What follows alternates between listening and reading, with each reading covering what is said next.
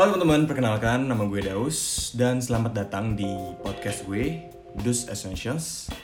Di podcast ini, gue bakal ngebahas banyak banget hal-hal yang berbau-bau self-development, bisa dibilang. Dan pada episode kali ini, gue mau ngebahas hal yang sangat relevan dengan kejadian atau experience gue, terutama juga apa yang udah gue lakukan dan gue harap teman-teman juga bisa relate ke kehidupan teman-teman. Dan pada podcast kali ini gue udah undang satu temen gue untuk membahas, mengupas perbincangan ini. Dan topik yang mau kita bahas ini sebenarnya sangat berkaitan dengan apa yang gue lakukan sekarang memulai podcast ini gitu. Jadi lanjut aja kali. Lu bisa kenalin diri lo dan ngapain aja sih lo sama ya lo ngapain aja sih in the meantime dan lain-lain terus dari lo kelar kuliah, eh, kelar SMA sampai ya selalu deh silahkan. Oke, sip. Jadi nama gue John. Gue tuh sebenarnya udah temenan sama Daus dari kapan ya Daus? SMP ya. Kita satu satu SMP kan. SMP. SM, SMP. Oh Kita iya satu juga SMP. ya. Oh Iya, bener kita juga. SMP, tapi baru baru temenan SMA gitu lah. Oh iya. iya. Kasarnya gitu. Nah, gue di Bali ini, gue tuh tinggal di Bali full time sebenarnya. Terus gue tuh punya kedai kopi udah tiga tahun. Terus gue juga ngeran um, a small company yang kerjanya hubungannya sama medsos itu udah dua tahun. Terus gue juga jadi kolumnis part time di Medium itu udah satu tahun. Terus all the while gue sambil belajar kedokteran di Universitas Udayana tadi lu udah nyebut ya itu udah empat tahun. Ya jadi itulah sedikit banyak tentang kehidupan gue. Iya, iya. jadi emang gue juga ya dia salah satu yang lo kerjain yaitu medium. Ini juga yang membuat gue ya jadi apa ya? Jadi kayak eh, poin di mana bukan ya apa ya, poin di hidup gue lah yang kayak aduh gue kayak pengen berkarya deh. Itu juga salah satunya karena gue waktu itu sempat lihat-lihat medium terus baca-baca terus lu juga sempat ke post ya John ya di IG berapa kali kan? Iya, gue sering tuh gue. Ya, jadi kayak, sih. Hmm. Iya makanya gue kayak, wah ini menarik banget nih. Terus kayak gue baca, gue pengen nge-follow dia, tapi kayak dia gak sadar deh gue nge-follow dia. gue sadar tapi gue ngeliat ini Daus follow gue. Gue nggak nulis. gue bilang gue baru bikin account kayaknya. iya, gue kayak, ah gue nge-follow deh. Jadi kayak, oh ya udah. Terus gue baca-baca Mantap, juga. gue sadar lah Daus gila. Oh iya sadar.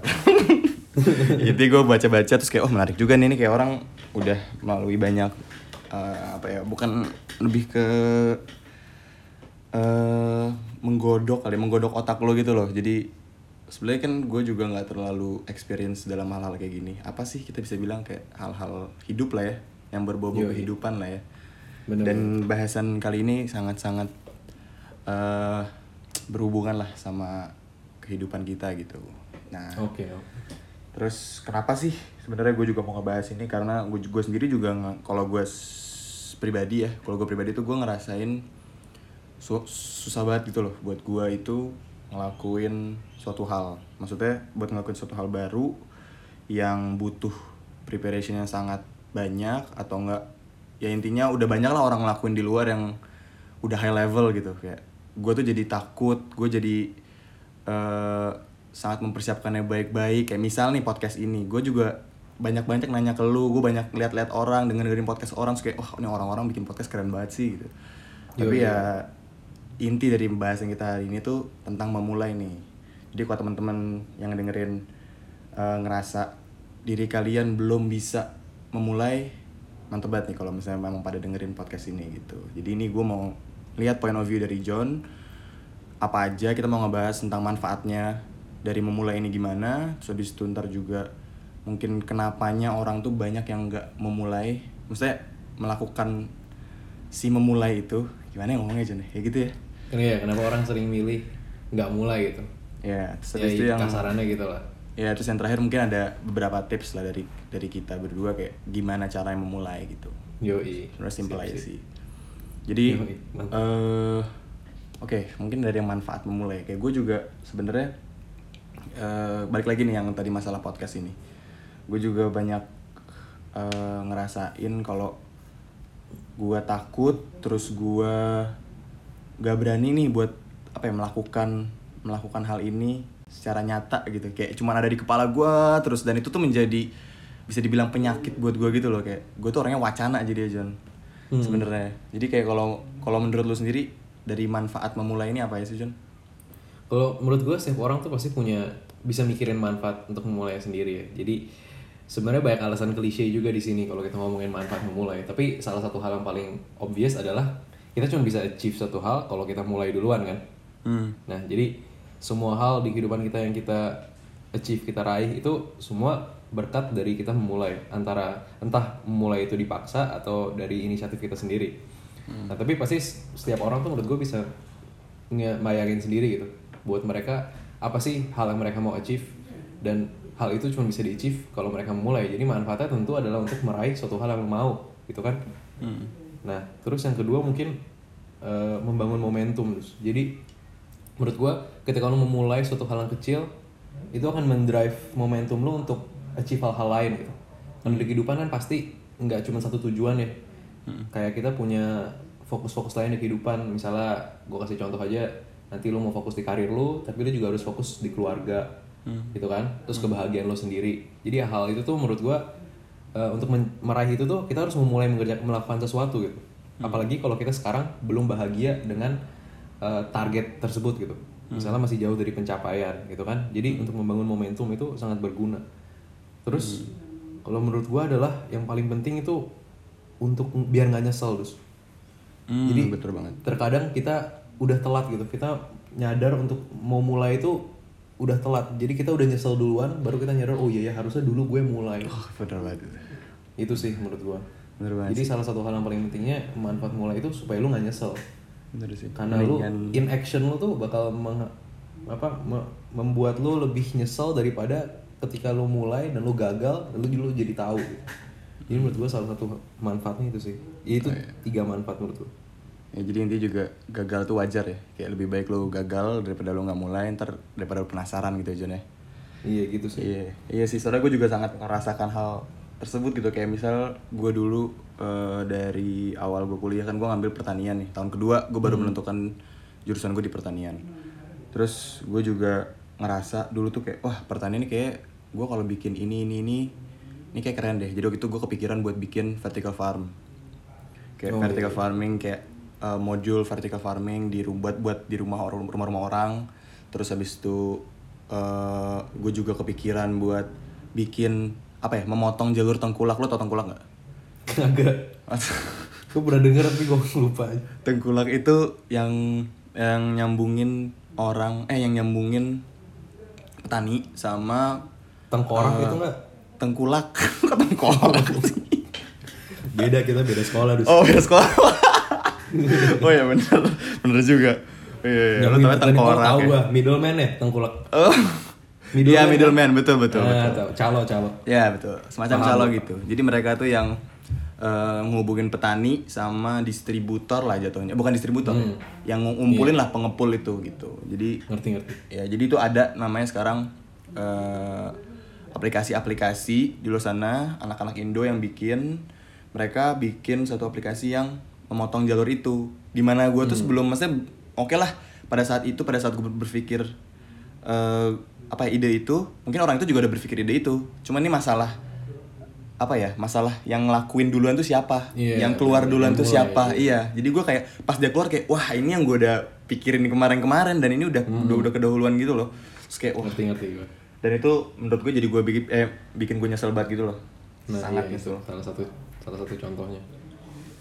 Terus gue juga eh, kenapa kenapa? terus mungkin juga kayak bisa banget sih diaplikasiin. Sebelumnya nggak cuma di mimpi atau di ide-ide besar kita sebenarnya. Kayak gue juga bisa ngebahas ke nanti mungkin kita bisa bahas ke hal-hal setiap hari gitu loh. Kayak misalnya lu jadinya eh, banyak wasting time di tidur tiduran goler-goleran ya main HP segala macem dan dan akhirnya eh, tugas-tugas lu mungkin ada hal-hal lain yang sesimpel lo mandi sesimpel lo makan jadinya kayak mundur gitu loh. Kayak gitu sih mungkin kita, bisa membahas tadi kenapa lu mau ngomong apa? Iya, iya.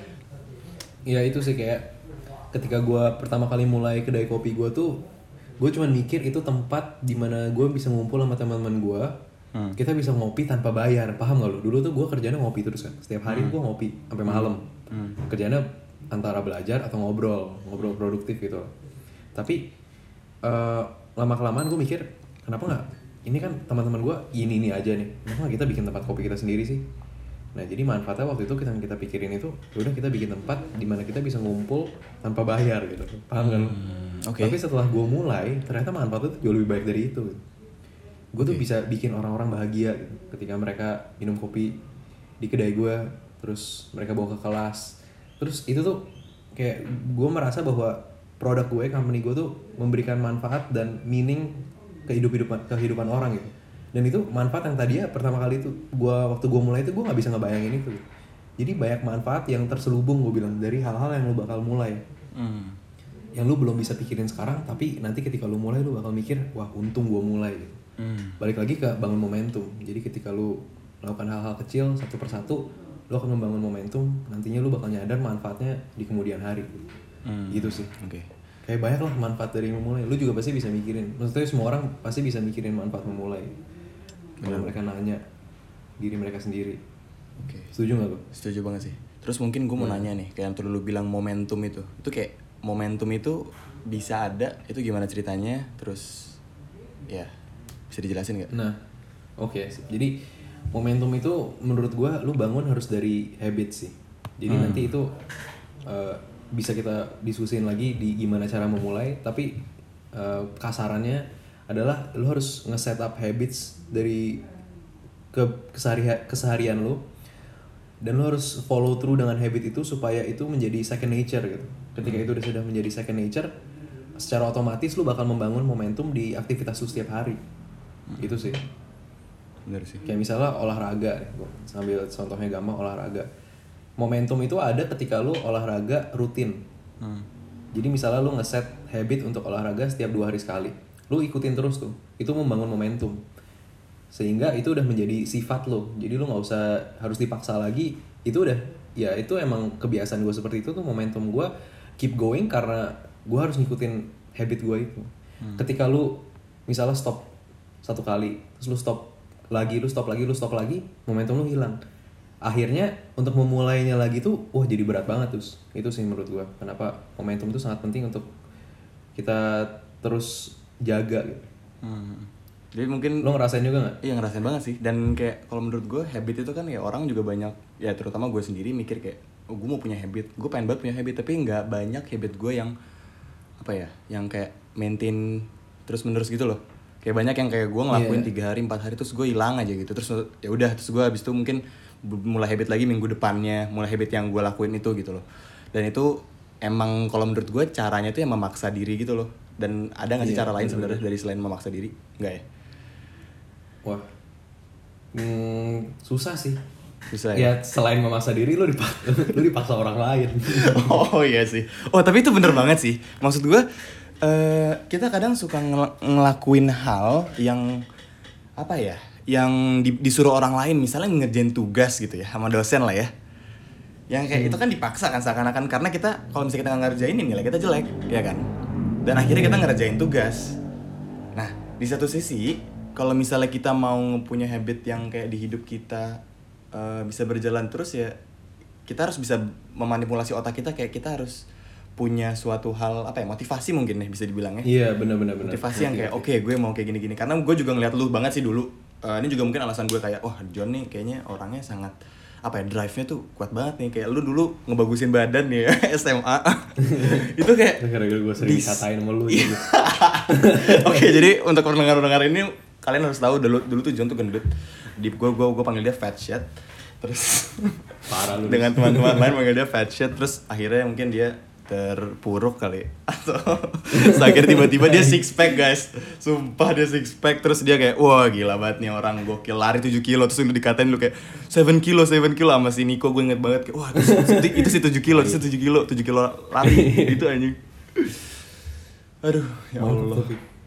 Gila, itu pengalaman gue paling Iya sih, bener paling banget. achieving gitu. Bener banget sih, bener banget. Terus juga em kalau menurut gue, gue sangat apa ya, sering sih mau kayak lu gitu kayak, aduh, nih gue kayak harus bisa nih kayak dia nih.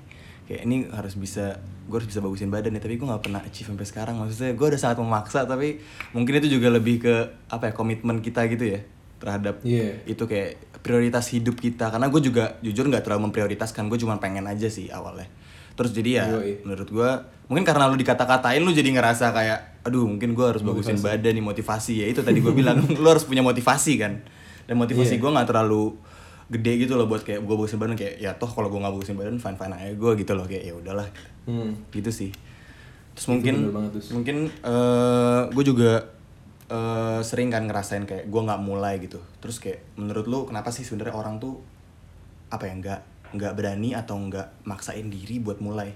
Kenapa Sering iya. Orang tuh kalau menurut gue orang tuh banyak ngasih em, alasan-alasan kayak misalnya mereka males ya kan atau nggak ada waktu gitu. Nah itu tuh menurut gue itu dua alasan yang paling umum tapi alasan yang nggak valid. oke Karena sebenarnya itu dia tuh me- menyembunyikan ketakutan di belakang itu. gitu. Jadi gini nih, biasalah orang tuh nggak mulai juga karena takut gagal. Hmm. Terus takut misalnya takut menghabiskan waktu yang akhirnya sia-sia gitu. Hmm. Terus takut kelihatan bego, ya kan? Mhm. Nah tapi takut itu adalah suatu, suatu feeling yang menurut gue susah untuk lu ungkapkan, paham gak? bener sih Nah jadi lu membuat alasan misalnya, aduh gue males atau gue gak ada waktu. Paling sering sih gue gak ada waktu, Dus. ya kan? iya iya Nah, tapi ini gue ngasih contohnya aja nih. Gue belajar kedokteran, tapi gue juga gila di luar kurikulum gue, gue melakukan hal-hal lain gitu. Hmm. Nah, jadi itu tuh waktu gue pertama kali masuk kedokteran ya, gue bener-bener gak nyangka gue masih bisa nge-keep habit olahraga gue dus. Gue kira, wah mungkin di satu titik gue harus give up ini untuk karir gue gitu. Hmm. Tapi kagak dus, gue nyadar bahwa nggak ada waktu itu tuh mitos. Wih. Lu cuma nggak mau sacrifice waktu senang-senang lo gitu. Oh, bener nggak? bener, bener juga. Gak ada waktu tuh bohong dus. Bener juga. Cuma, yang ada tuh cuma prioritas. Wah, lu memprioritaskan kebahagiaan lu, kesenangan lu semata-mata. Jadi ke sana tuh kayak lu gak ada waktu untuk melakukan hal-hal lain. Tapi lu tuh merisk nyesel. Lu tuh meres ya men- apa ya? Jadi resikonya adalah lu nanti suatu hari bakal nyesel. Hmm. Karena lu menghabiskan waktu untuk hal-hal yang superficial gitu menurut gue. Iya nah, itu sih. Jadi ketakutan itu tuh sebenarnya unwarranted. Soalnya harusnya yang lu takutin adalah lu takut nyesel. Hmm. Ya nggak sih? Iya, iya, iya, iya, itu. Nah, dan itu ketutupan sama alasan-alasan yang menurut gua kadang-kadang nggak valid. Lu harus bener-bener jujur sama diri lu sendiri. Lu tanya, kenapa sih lu nggak milih untuk memulai? Pasti jawabannya ada takut. Tapi takut apa? Dan takut-takut itu yang nantinya lu harus face. Dan supaya nanti lu bisa memulai gitu. Iya, iya bener Paham paham banget, banget. Itu juga yang tadi gue bilang yang gue mau ngebahas masalah har- sesimpel aktivitas hari-hari gitu loh John. Yang kayak misalnya gue bangun tidur nih, terus gue buka HP, Hmm. terus gue ah gue mau mandi jam segini, terus gue mau makan, gue mau apa, terus akhirnya pada akhirnya kayak sering banget tuh terjadi yang namanya uh, mundur nih jadwal gue. Gue udah gue udah bikin jadwal nih misal, kayak oh gue pengen Hmm, produktif iya. hari ini, kayak gue pengen ngerjain ini ini ini ini ini. Tapi ya itu apa ya ketakutan yang tadi lu bilang tuh juga ada di kepala gue yang tadi lu bilang itu ada banget dan kayak aduh gue takut banget nih ntar molor hari ini lalala tapi ya dari diri gue gue nggak melakukan maksudnya kayak gue nggak apa ya gue nggak beraksi gitu loh untuk oke gue mandi sekarang gue bangun gue taruh hp terus gue ngambil anduk mandi. Oke gue bangun gue masak gue gue bikin makan gue makan. Gue gue nggak yang ada dorongan itu gitu loh. Dan emang mungkin itu balik lagi ke diri masing-masing ya maksudnya eh, dorongan itu tuh harus punya motivasi yang tadi kita ngomong lagi kan kayak motivasi itu apa terus abis itu eh, resiko yang kita bakal dapat kalau kita nggak ngelakuin tuh apa mungkin itu juga harus jadi motivasi tadi itu ya. Bener-bener. iya sih. Wah. Lu pernah nggak dus? Kayak satu hari satu hari nih lu baru bangun nih lu langsung mulai beraktivitas gitu. Lu langsung mandi lu langsung produktif. Pernah nggak lu? pernah pernah. Itu awal-awal gue awal-awal gue nonton video Matt Diavela tuh. Itu kayak wah ini morning routine. Mantep banget ya kayaknya ya. Terus kayak gue motivasi gue kuat banget tuh John. Maksudnya oke gue mau punya habit kayak dia.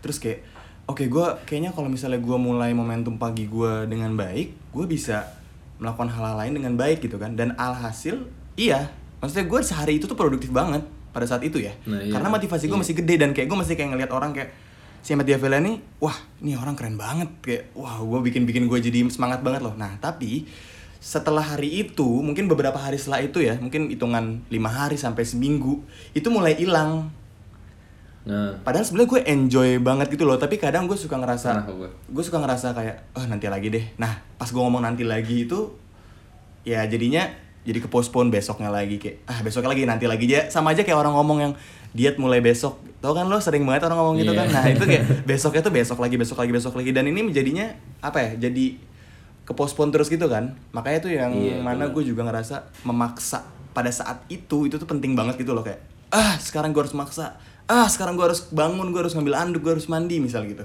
Gitu loh. Bener-bener karena Iya. kita nggak tahu kita sampai kapan kita puas ya. Namanya juga manusia nggak pernah puas. Asik. Asik. Bener kan? Bener lah.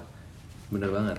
Nah tapi itu menurut gue adalah salah satu contoh di mana lo membuktikan bahwa momentum itu sangat penting dus. Iya, iya, betul. jadi itu momentum harian lo adalah ketika lo bangun pagi dan lo mulai beraktivitas produktif dari detik lo bangun Hmm, ya kan itu lo membangun momentum lo sehingga lo akhirnya bisa menyelesaikan banyak di hari itu Hmm, ya kan nah terus gue tuh juga percaya bahwa eh, ini ada nggak tahu siapa yang pertama kali mencetuskan tapi action leads to motivation pernah dengar nggak lo pernah pernah Action leads motivation. Nah, jadi ketika lu bangun, lu langsung beraktivitas, lu kan langsung beraksi nih.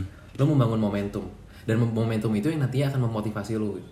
Jadi banyak orang itu terlalu apa ya? Mereka terlalu rely on motivasi untuk mendrive action mereka gitu. Jadi seakan-akan motivasi itu adalah suatu hal yang mereka harus butuhkan dulu untuk memulai action. Paham gak lu? Misalnya gue mau lari nih, tapi gue harus nyari motivasi dulu. Jadi lu membebankan diri lu kepada motivasi. Motivasi itu suatu hal yang arbitrer. Dia hal yang apa ya? Iya, dia bukan suatu hal fisik yang nyata absolut gitu. Paham gak sih? Hmm, Paham, paham, paham. Jadi sebenarnya motivasi itu akan terbentuk sendiri ketika lu mulai duluan. iya sih Jadi gerakan pertamanya, aksi pertamanya lu harus maksa diri dulu dulu. Dan nanti hal itu akan membangun momentum dan momentum itu yang akan memotivasi lu untuk melanjutkan aktivitas lu gitu. Bener-bener. Akan melanjutkan momentum itu. Itu sih. Gue sih ngerasanya bener-bener kerasa banget. bener bener Paling kerasa kalau lu lagi olahraga, sumpah.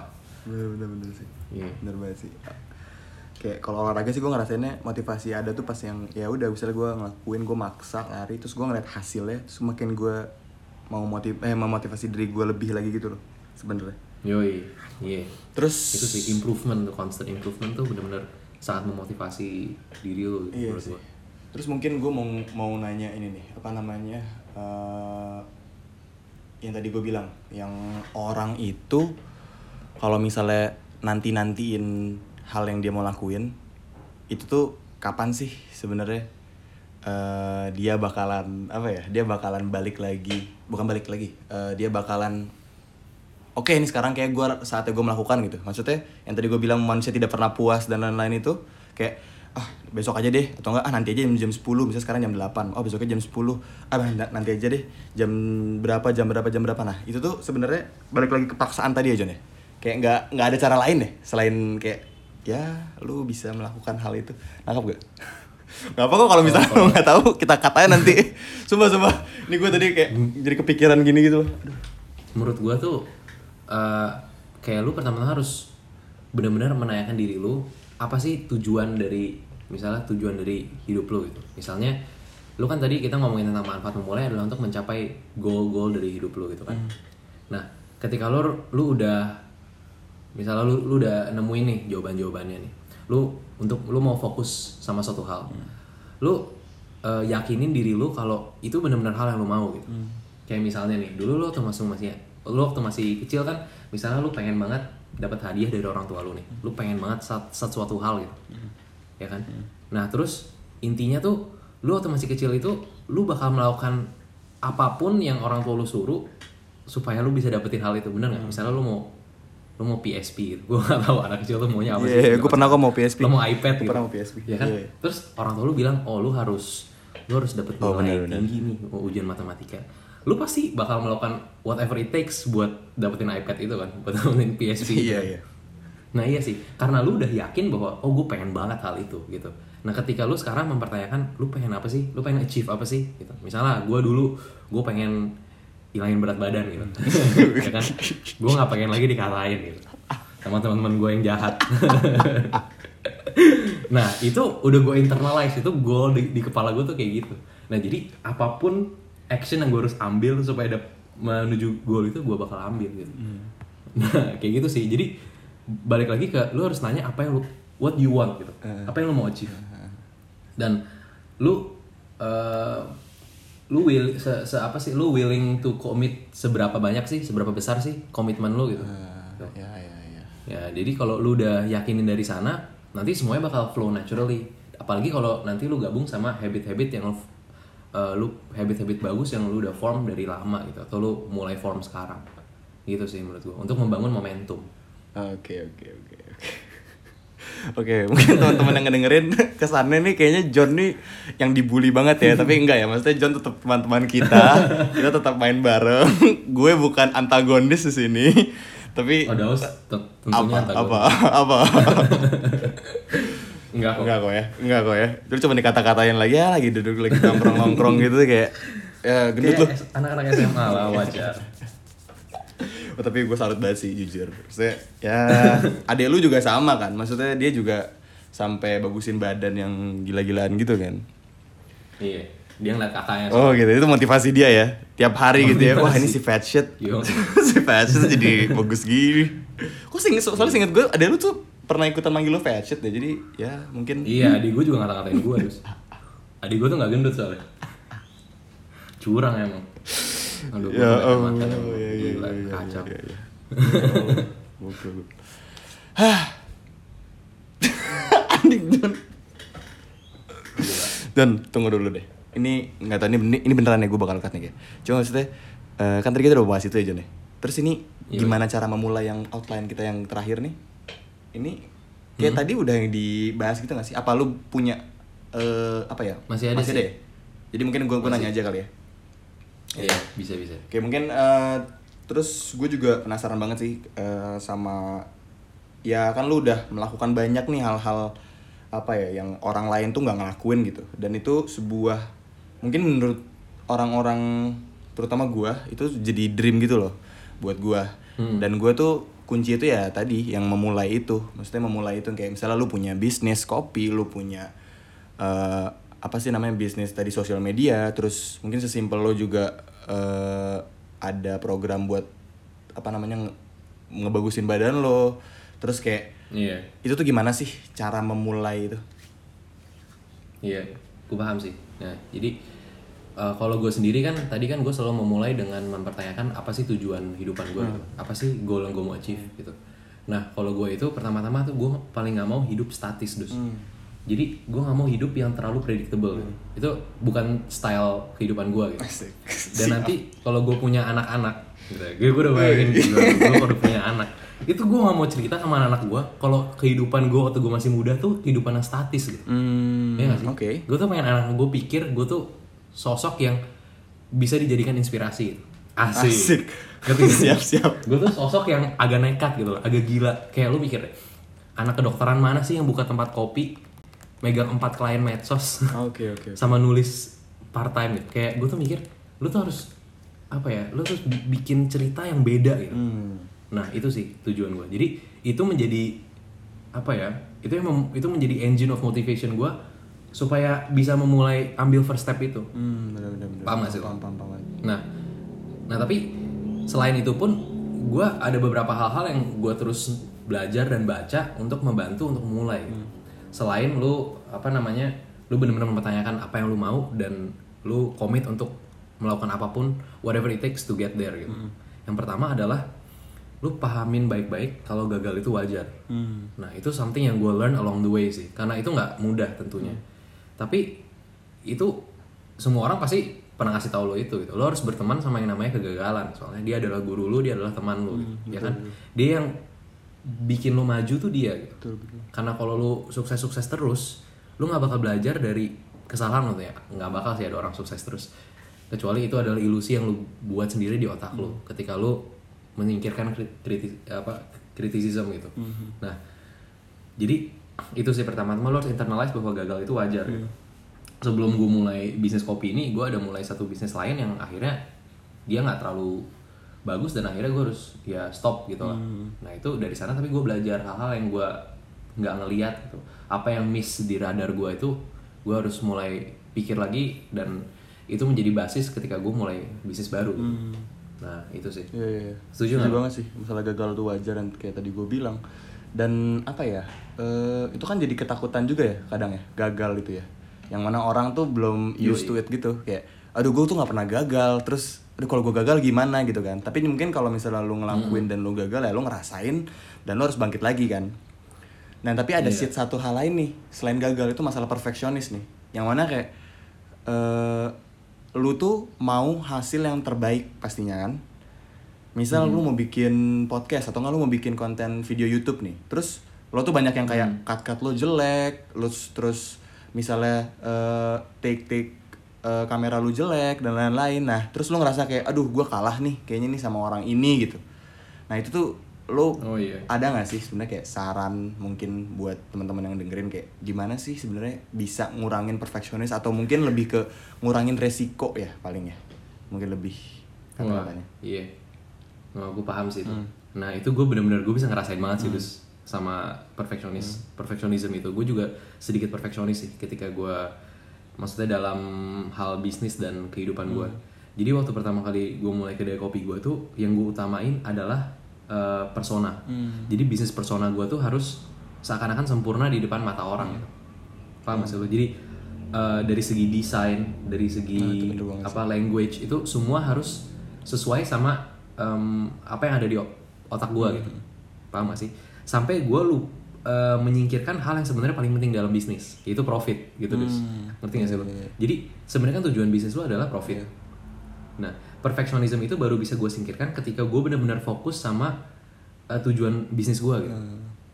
Kalau nggak susah emang. Kayak misalnya gue nih kalau mau mulai brand baru nih, yang gue pikirin langsung logo, gitu. Oh, iya langsung sih. logo, Iya, business iya, card, iya, desain, iya, iya. sosmed, semuanya itu, gua yang langsung gue pikirin. Gitu sih Soalnya menurut gue harus kelihatannya sempurna di depan mata lo supaya dia bisa dicintai sama orang-orang lain. Iya, gitu. iya.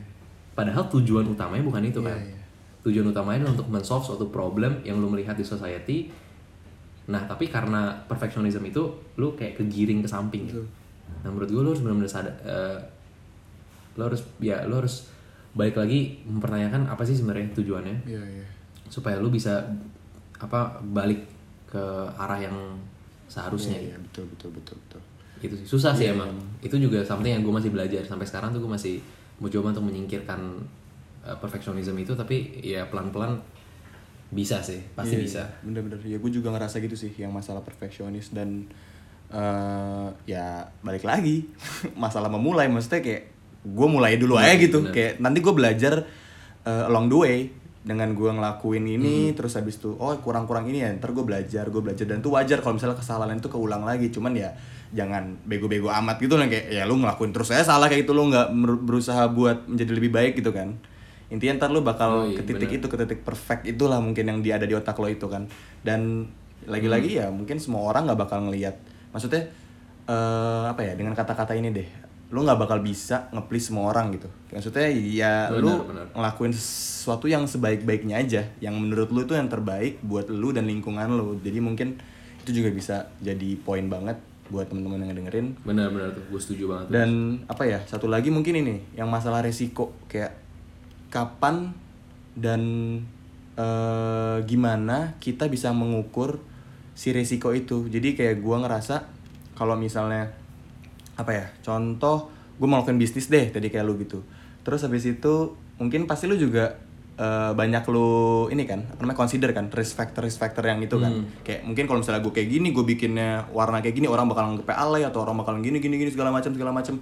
Dan mungkin ada saatnya di di mana lu tuh harus kayak oke gue harus memulai dengan resiko yang harus gue tanggung jawabkan nantinya. Maksudnya gimana ya? Lu nangkap gak mas gue Iya, ngerti-ngerti. Gimana cara eh, iya nggak menanganin resiko itu ya? Mhm. itu, itu juga sebenarnya penting banget sih kayak karena itu menjadi faktor kita buat memulai juga John kalau menurut gue ya kayak kita tuh terlalu banyak mikirin resiko juga gitu loh misalnya ya bisnis gitu ya bisnis antar gue rugi ah, antar gue ini antar nggak ada yang mau segala macem ya kalau menurut gue kalau misalnya lu mikir gitu terus ya lu nggak akan mulai-mulai dan lu nggak akan bisnis lu nggak akan jalan-jalan ya lagi-lagi lu harus memulai dan gimana cara lu harus meminimalisir si resiko itu untuk lo bisa percaya diri lah untuk memulai suatu hal itu gitu ya Hmm. Iya, iya. Iya sih. Kalau itu menurut gua jawabannya pertama-tama di Iya experience. sih, betul. Gitu. Itu unik ke masing-masing individu. gitu. Orang-orang pasti punya experience sendiri dan ketika mereka membangun em, experience itu, mereka nanti akan me- apa mengasah judgement mereka untuk tahu oh ini resikonya besar ini resikonya kecil ya kan? Terus yang kedua itu lu harus benar-benar menggunakan kreativitas lu gitu. kayak dulu waktu pertama kali gue mulai kedai kopi juga gue nggak langsung invest besar di space dan mesin gitu. Gue pertama-tama mulai kecil banget main gue mulai event ke event dan PO gitu. Itu kan modalnya kecil kan? Gue eh, mengurangi apa men- men- menurunkan resiko dari eh, melakukan hal itu gitu. Gue memilih untuk tidak langsung splurge di gedung dan lain-lain dengan cara ya gue mulai kecil dulu gue melihat sebenarnya eh, kemauan pasar tuh ke mana di mana sih gitu terus mereka tuh interestnya di mana audiens kita tuh yang man- di mana gitu itu gue rasa pertama-tama lo harus mulai kecil dulu emang supaya mengurangin apa ngurangin resiko. Nah dari sana ntar lu bakal bangun sesuai dengan ya arahan arahan pasar itu feedback dari mereka dan lain-lain. Tapi itu cuma contoh di bisnis dan tentunya menurut gue bisa di apply ke mana-mana sih. Jadi dari experience sama ya lo harus pakai kreativitas lu gitu. Benar, benar, benar. Itu sih. Wow, wow, wow. Oke, tepuk tangan dulu dong. keren, keren, keren, keren. Hah, ya gokil banget sih. Sama ini gue mau bant gue mau nambahin dua Apa, lagi. sok, sok. Ya jadi yang, yang tadi tuh gue mau nekanin satu lagi yang ini set daily habits untuk membangun momentum. Nah itu menurut gue ketika lu ngeset daily habits yang sederhana gitu, misalnya lu bangun pagi, bangun jam 7 gitu, misalnya lu ngeset bangun jam 7 dengan lu mengachieve small wins, kemenangan-kemenangan kecil, lu bisa membangun momentum untuk akhirnya achieve something yang besar gitu. Itu yang tadi yang pertama kali gue omongin waktu lu nanyain uh, advice. Jadi habits lu tuh nggak harus something yang susah yang sangat sulit untuk dicapai. Misalnya kalau lu mau jadi orang yang lebih sering olahraga ya lu misalnya lu tulis di, di habit lu gue mau eh, jalan satu kilometer sehari gitu. Misalnya lu mulai dari sana. Atau lu mau lu bakal nelpon satu potential client setiap hari gitu. Itu contoh-contoh sederhana gitu. Tapi lu ngeset satu daily habit supaya lu bisa bangun momentum. Itu akan memulai lu untuk nantinya eh, lompat ke suatu hal untuk memulai suatu hal yang lebih besar. Ketika lu sudah belajar untuk memulai hal-hal kecil tentunya nanti bakal mempermudah apa eh, ketika lu harus mulai something a bit bigger.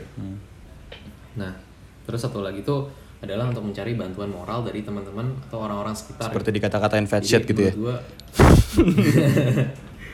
Tai. Nah, terus gue cinta. Oke, oke, oke. Lanjut, lanjut. Gimana yang kedua? So, menurut gue social circle tuh soalnya peran Wah, penting itu banget. Soalnya secara tidak langsung lu bakal tergiring sama pola pikir dan kebiasaan mereka. Betul, gitu. betul. Ya kan? Kalau lu bergaul sama orang-orang yang eh, sering yang produktif gitu, ya lu bakal secara tidak langsung tergiring ke produktivitas. Betul. Ketika lu sering main sama orang-orang yang kerjaannya ya gua nggak mau menjelekan main game sih, tapi misalnya itu salah satu contoh ya, misalnya ngabisin waktu deh, itu lebih broad spektrumnya. Nah itu ya lu secara tidak langsung akan tergiring untuk mengikuti kebiasaan mereka gitu. Nah jadi ya menurut gua salah satu hal yang lu bisa lakukan adalah untuk mendekatkan diri lu sama orang-orang yang menurut lu bisa dijadikan inspirasi atau role model Betul, betul. itu sih dan belajar dari mereka kerjasama diskusi bareng supaya lu bisa bertumbuh bareng-bareng Betul, betul. Mungkin juga kalau misalnya yang tadi kayak lu bilang kita lebih nyari teman-teman yang eh, sejalan sama apa yang kita mau kan ya. Iya. Jadi kayak kalau misalnya kayak misalnya kita punya teman-teman sekelompok teman-teman yang eh, melakukan hal yang kita tidak sukai, ya udah maksudnya bukannya untuk memusuhi mereka dan eh, menjauhi mereka, tapi lu coba cari lah teman-teman. Kan ada apa salahnya lu mencari teman lain yang emang eh, tujuannya tuh hampir sama sama lo gitu loh. Bahkan kalau bisa sama ya sama gitu. Tujuan hidupnya tuh yang kayak oke gue mau kayak gini mau kayak gini kayak gini kayak gini. Ya mungkin itu juga bisa lebih menjadi tips juga juga sih kayak buat orang-orang teman-teman yang dengerin. Kayak eh, Yoi. lingkungan tuh sangat penting ya. Kayak mungkin lebih ke lingkungan tuh sangat penting. Di mana itu juga sangat nge-shape siapa diri lo gimana diri lo kayak gitu sih Yoi, bener-bener. keren banget sih. Wow ini my first podcast and wow. Selamat. selamat selamat. Mungkin teman-teman yang dengerin sekarang eh, bisa banget di follow asik. Diikutin terus nih The Essentials. Kayak gue bakalan ngebahas juga banyak eh, tentang hal-hal kayak gini yang berbau-bau kehidupan. Intinya hal-hal berguna deh yang mana bisa kalian aplikasikan ke hidup kalian dan menjadi eh, individu yang lebih baik pastinya gitu itu sih mungkin dari John sendiri ada nggak ada apa ya mungkin kata-kata bukan kata-kata terakhir ya kata terakhir kayak lo mau mati John Eh, apa sih bilangnya? Ya, eh, kata-kata penutup buat dari lu deh. Maksudnya ya, lu ada pesan nggak lu buat teman-teman yang dengerin gimana? Boleh, boleh. Itu aja sih kayaknya pesan gue sudah tersirat di omongan obrolan kita Iya. tadi kayaknya banyak pesan yang bisa mereka ambil banyak actionable advice juga tapi ya jangan takut Untuk memulai. gagal tuh Asik. pasti tapi gagal tuh adalah teman Mantap.